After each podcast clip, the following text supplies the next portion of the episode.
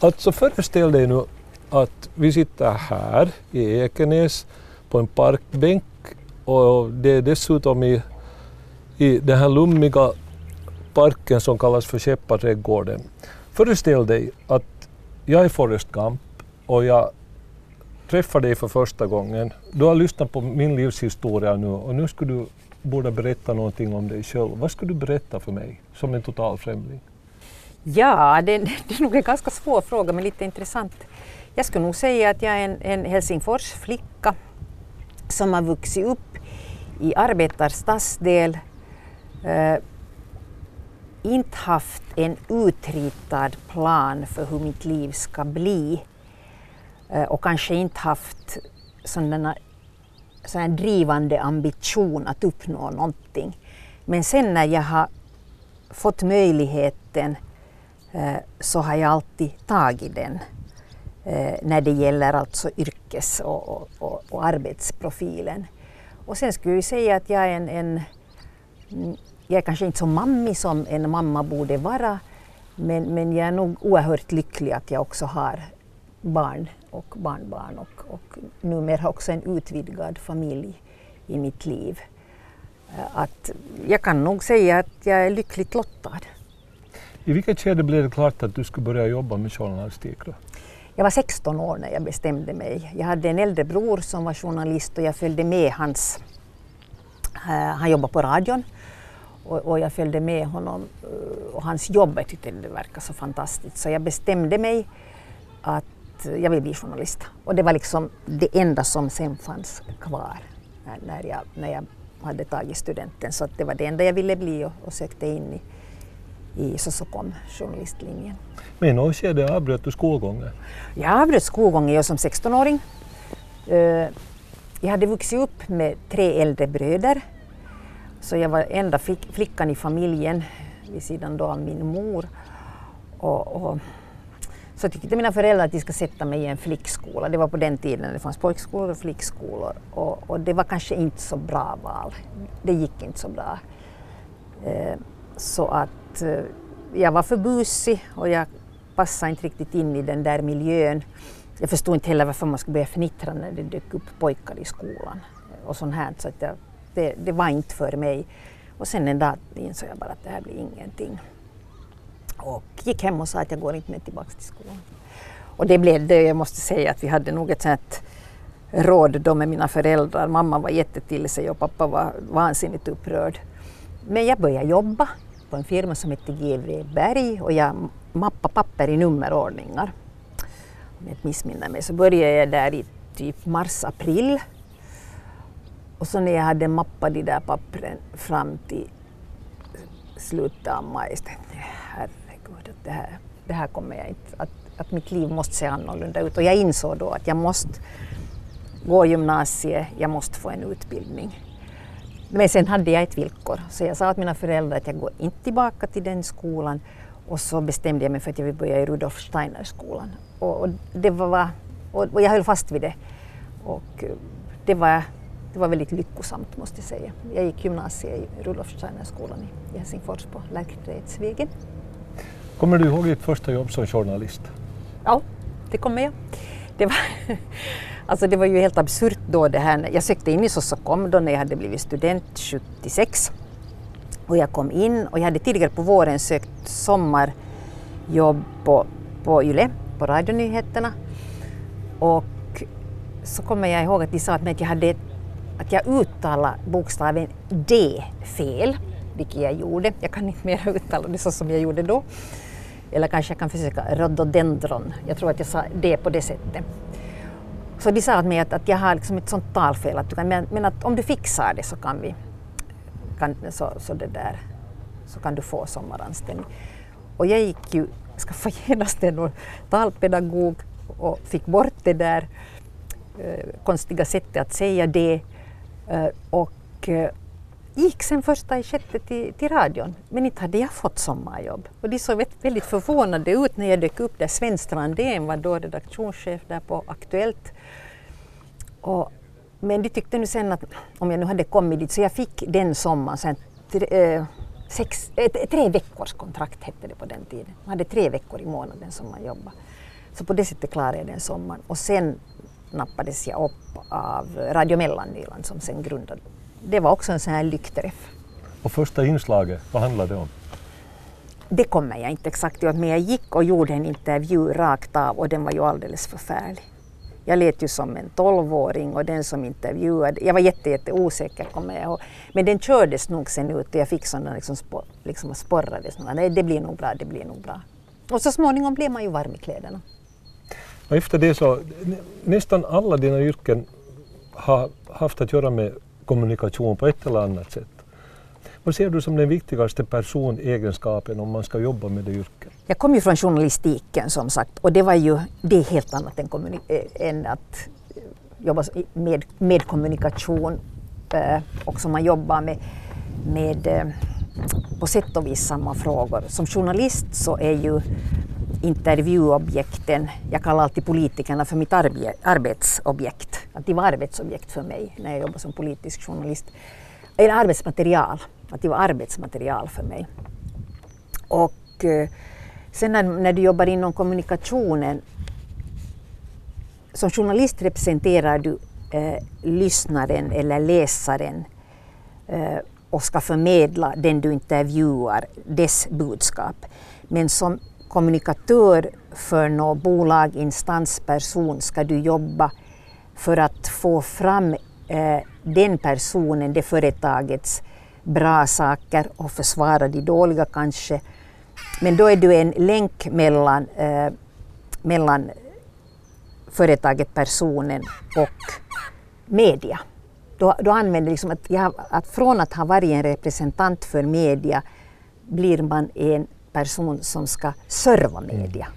Att, och det är den där saken som, som är kanske svår för, för Eh, vanliga människor att förstå, men också för de som jobbar med det. Mm. Att en, en journalist blir inte automatiskt en bra kommunikatör.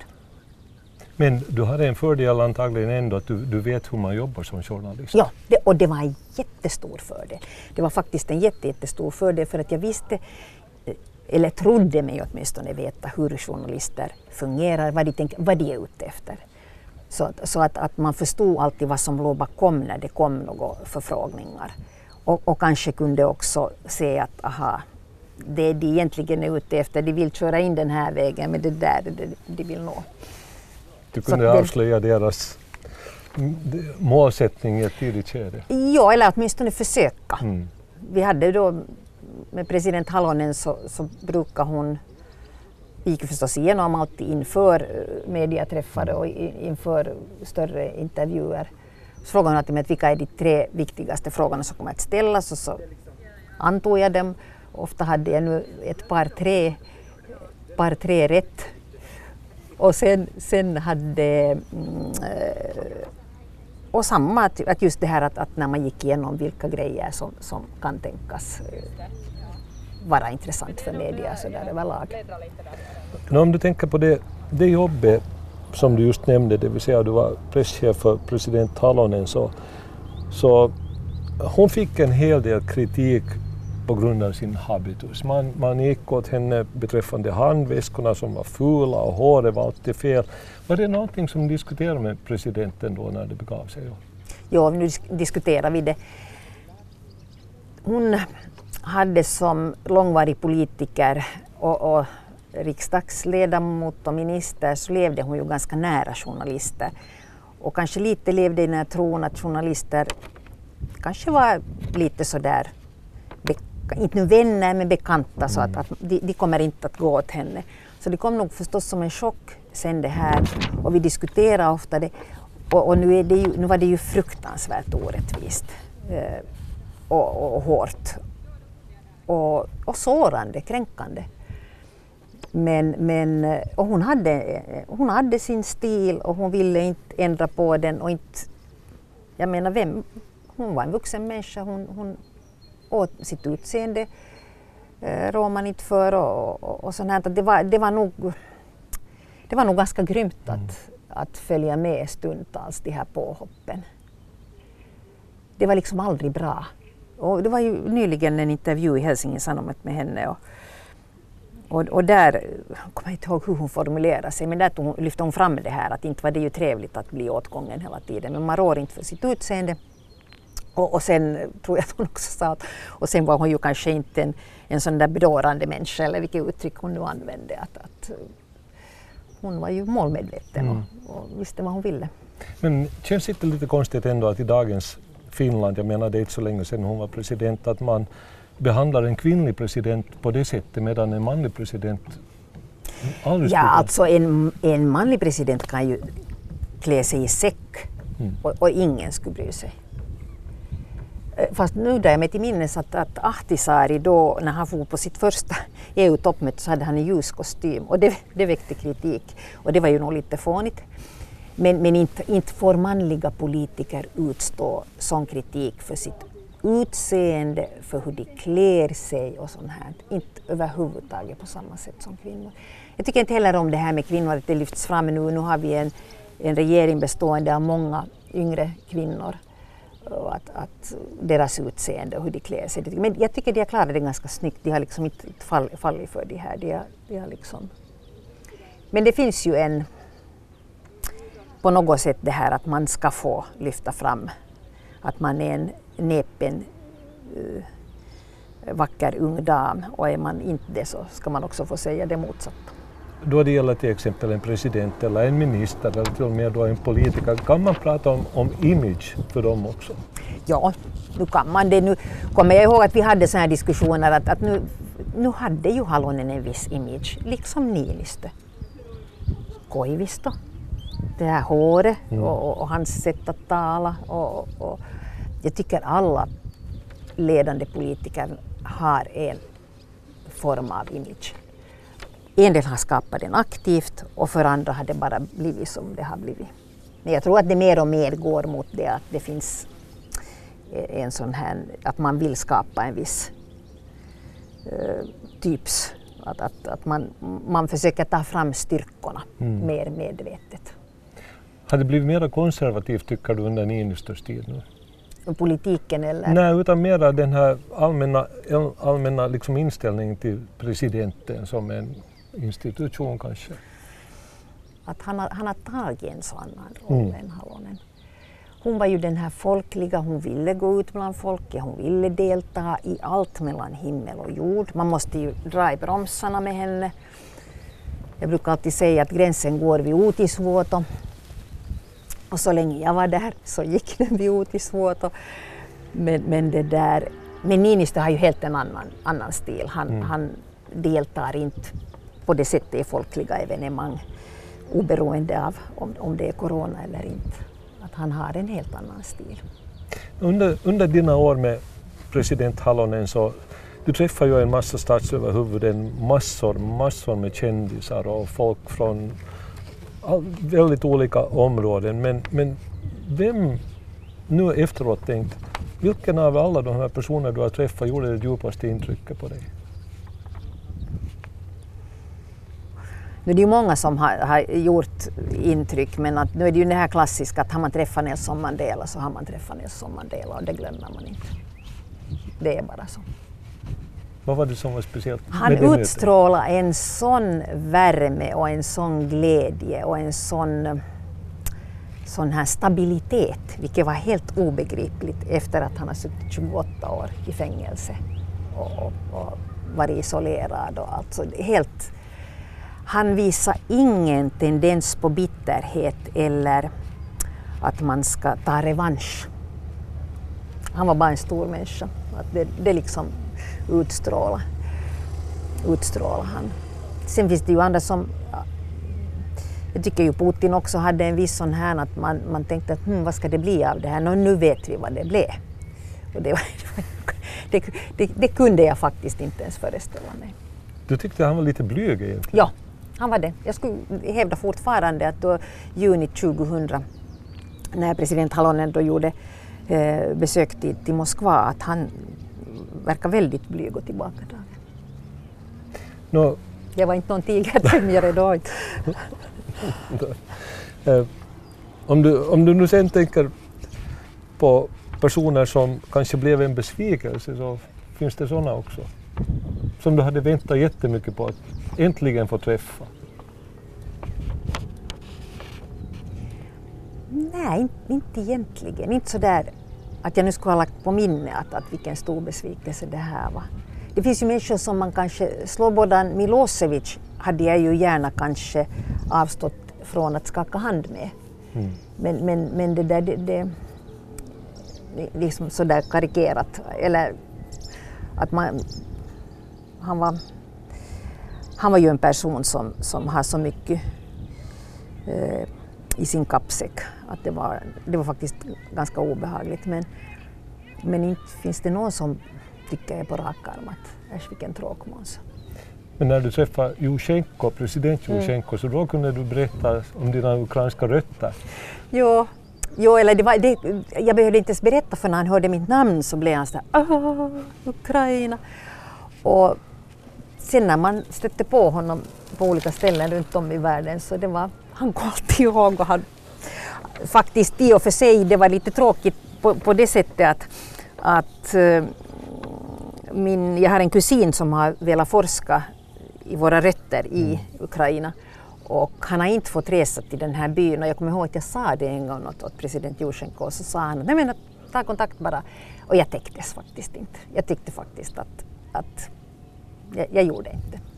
Men då skulle vi ha fått åka dit och, och och se det där området. Mm, det kunde ju vara intressant. Det hade varit jätteintressant men samtidigt så är man uppfostrad till det där att man ska inte, man ska inte utnyttja sånt som man kanske skulle kunna. Så, så jag tyckte nog att jag gjorde ändå helt rätt. Ja, presidentbytena där i Ukraina var ju ganska täta då de var, i en period också. De var, de var det, ja. Det kan hända att det ska vara annan regim när ni ska åka dit. För ett halvt år sedan så gifte du dig med Sixten Korkman som ju också är känd för många finländare eh, med tanke på finanspolitik. Han har jobbat på Finlands bank och han jobbar inom, inom EU. Eh, hur är det att bli kär i mogen ålder?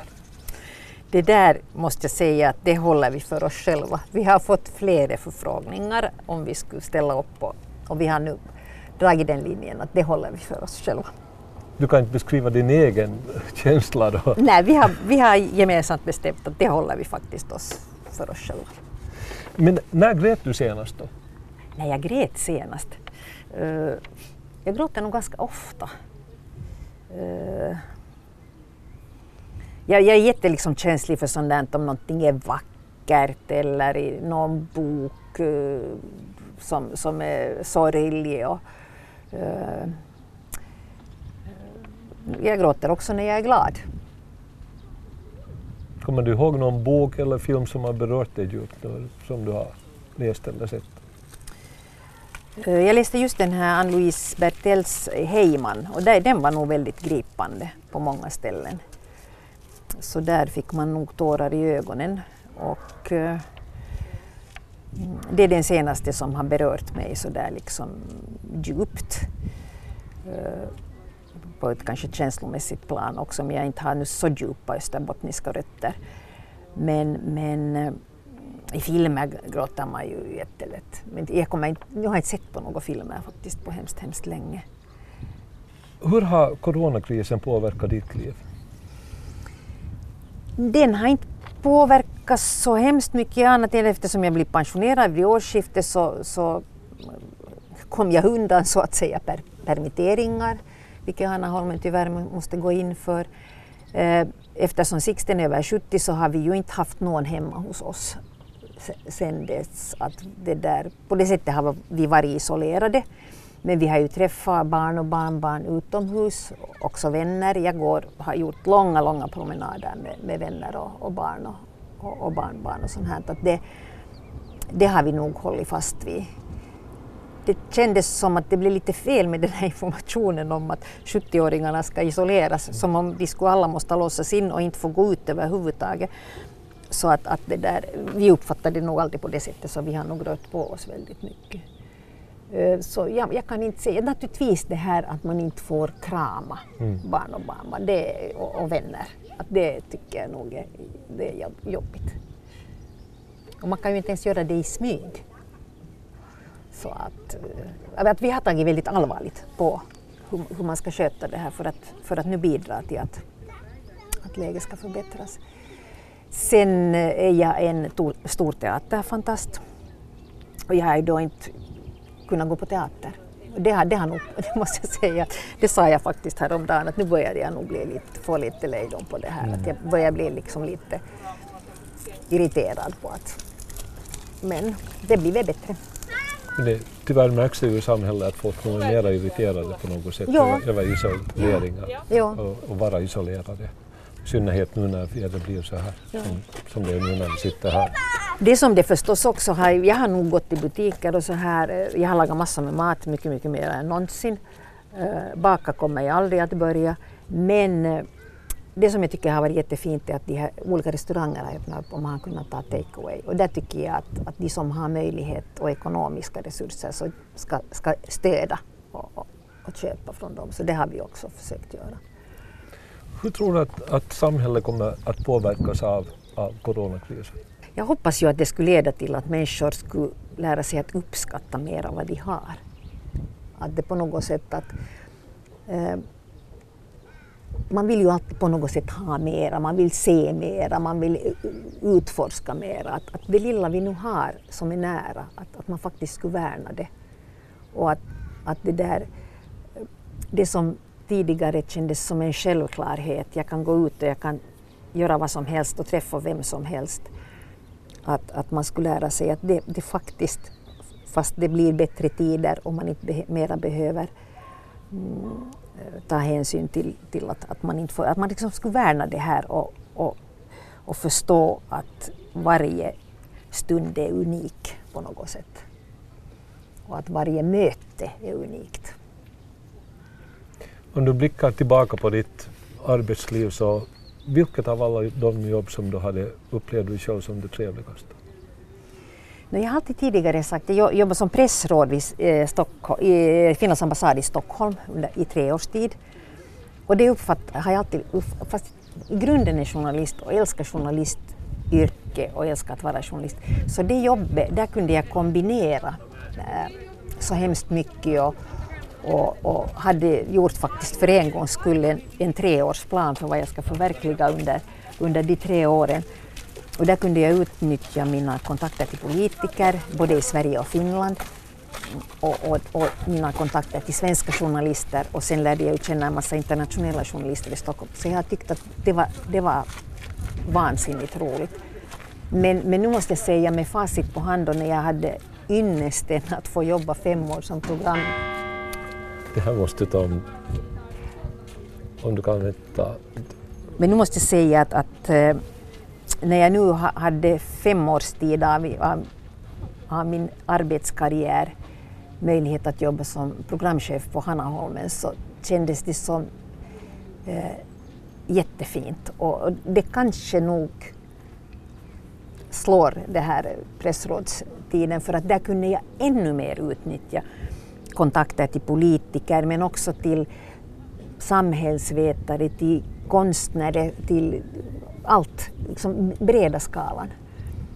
Och, och eh, sen var det mera människor att jobba med, tillsammans med, eh, att, att skapa tillsammans på ett annat sätt än det på, på en ambassad. Att där, där gjorde vi så hemskt mycket tillsammans. Och, och, och, så det, jag skulle nog nästan säga att, att det har känts som det bästa. Och det var jättefint att få sluta sin arbetskarriär med ett underbart jobb. Och sen ändå själv välja när man lämnar. Har du haft något motto i ditt liv? Jag har någon sagt att det är något ge aldrig upp och, och det skulle jag nog fortfarande hålla fast vid. Att du kan eh, stöta på vad som helst, allt kan gå fel och, och så här. Men eh, som till exempel perioden när jag faktiskt blev, eh, fick sparken från Bonnier Books. Och, vilket var en chock för mig då. Men då bet jag ihop tänderna och bestämde mig för att jag ger inte upp, jag ska nog ha ett jobb ännu. Och, och lärde mig vissa rutiner och, och sånt här som jag haft nytta av, nytta av senare i livet också. Att hur viktigt det är att ha rutiner, hur viktigt det är att, att uh, inte skämmas för olika saker som ju människor ofta gör, att man skäms för att man har fått sparken. Jag bestämde mig för att det tänker jag inte skämmas för. Och sen eh, att, att, att inte ge upp. Fanns det någon kulturskillnad bakom, bakom det att du fick sparken därifrån mellan Finland och Sverige och sätt att se på jobbet?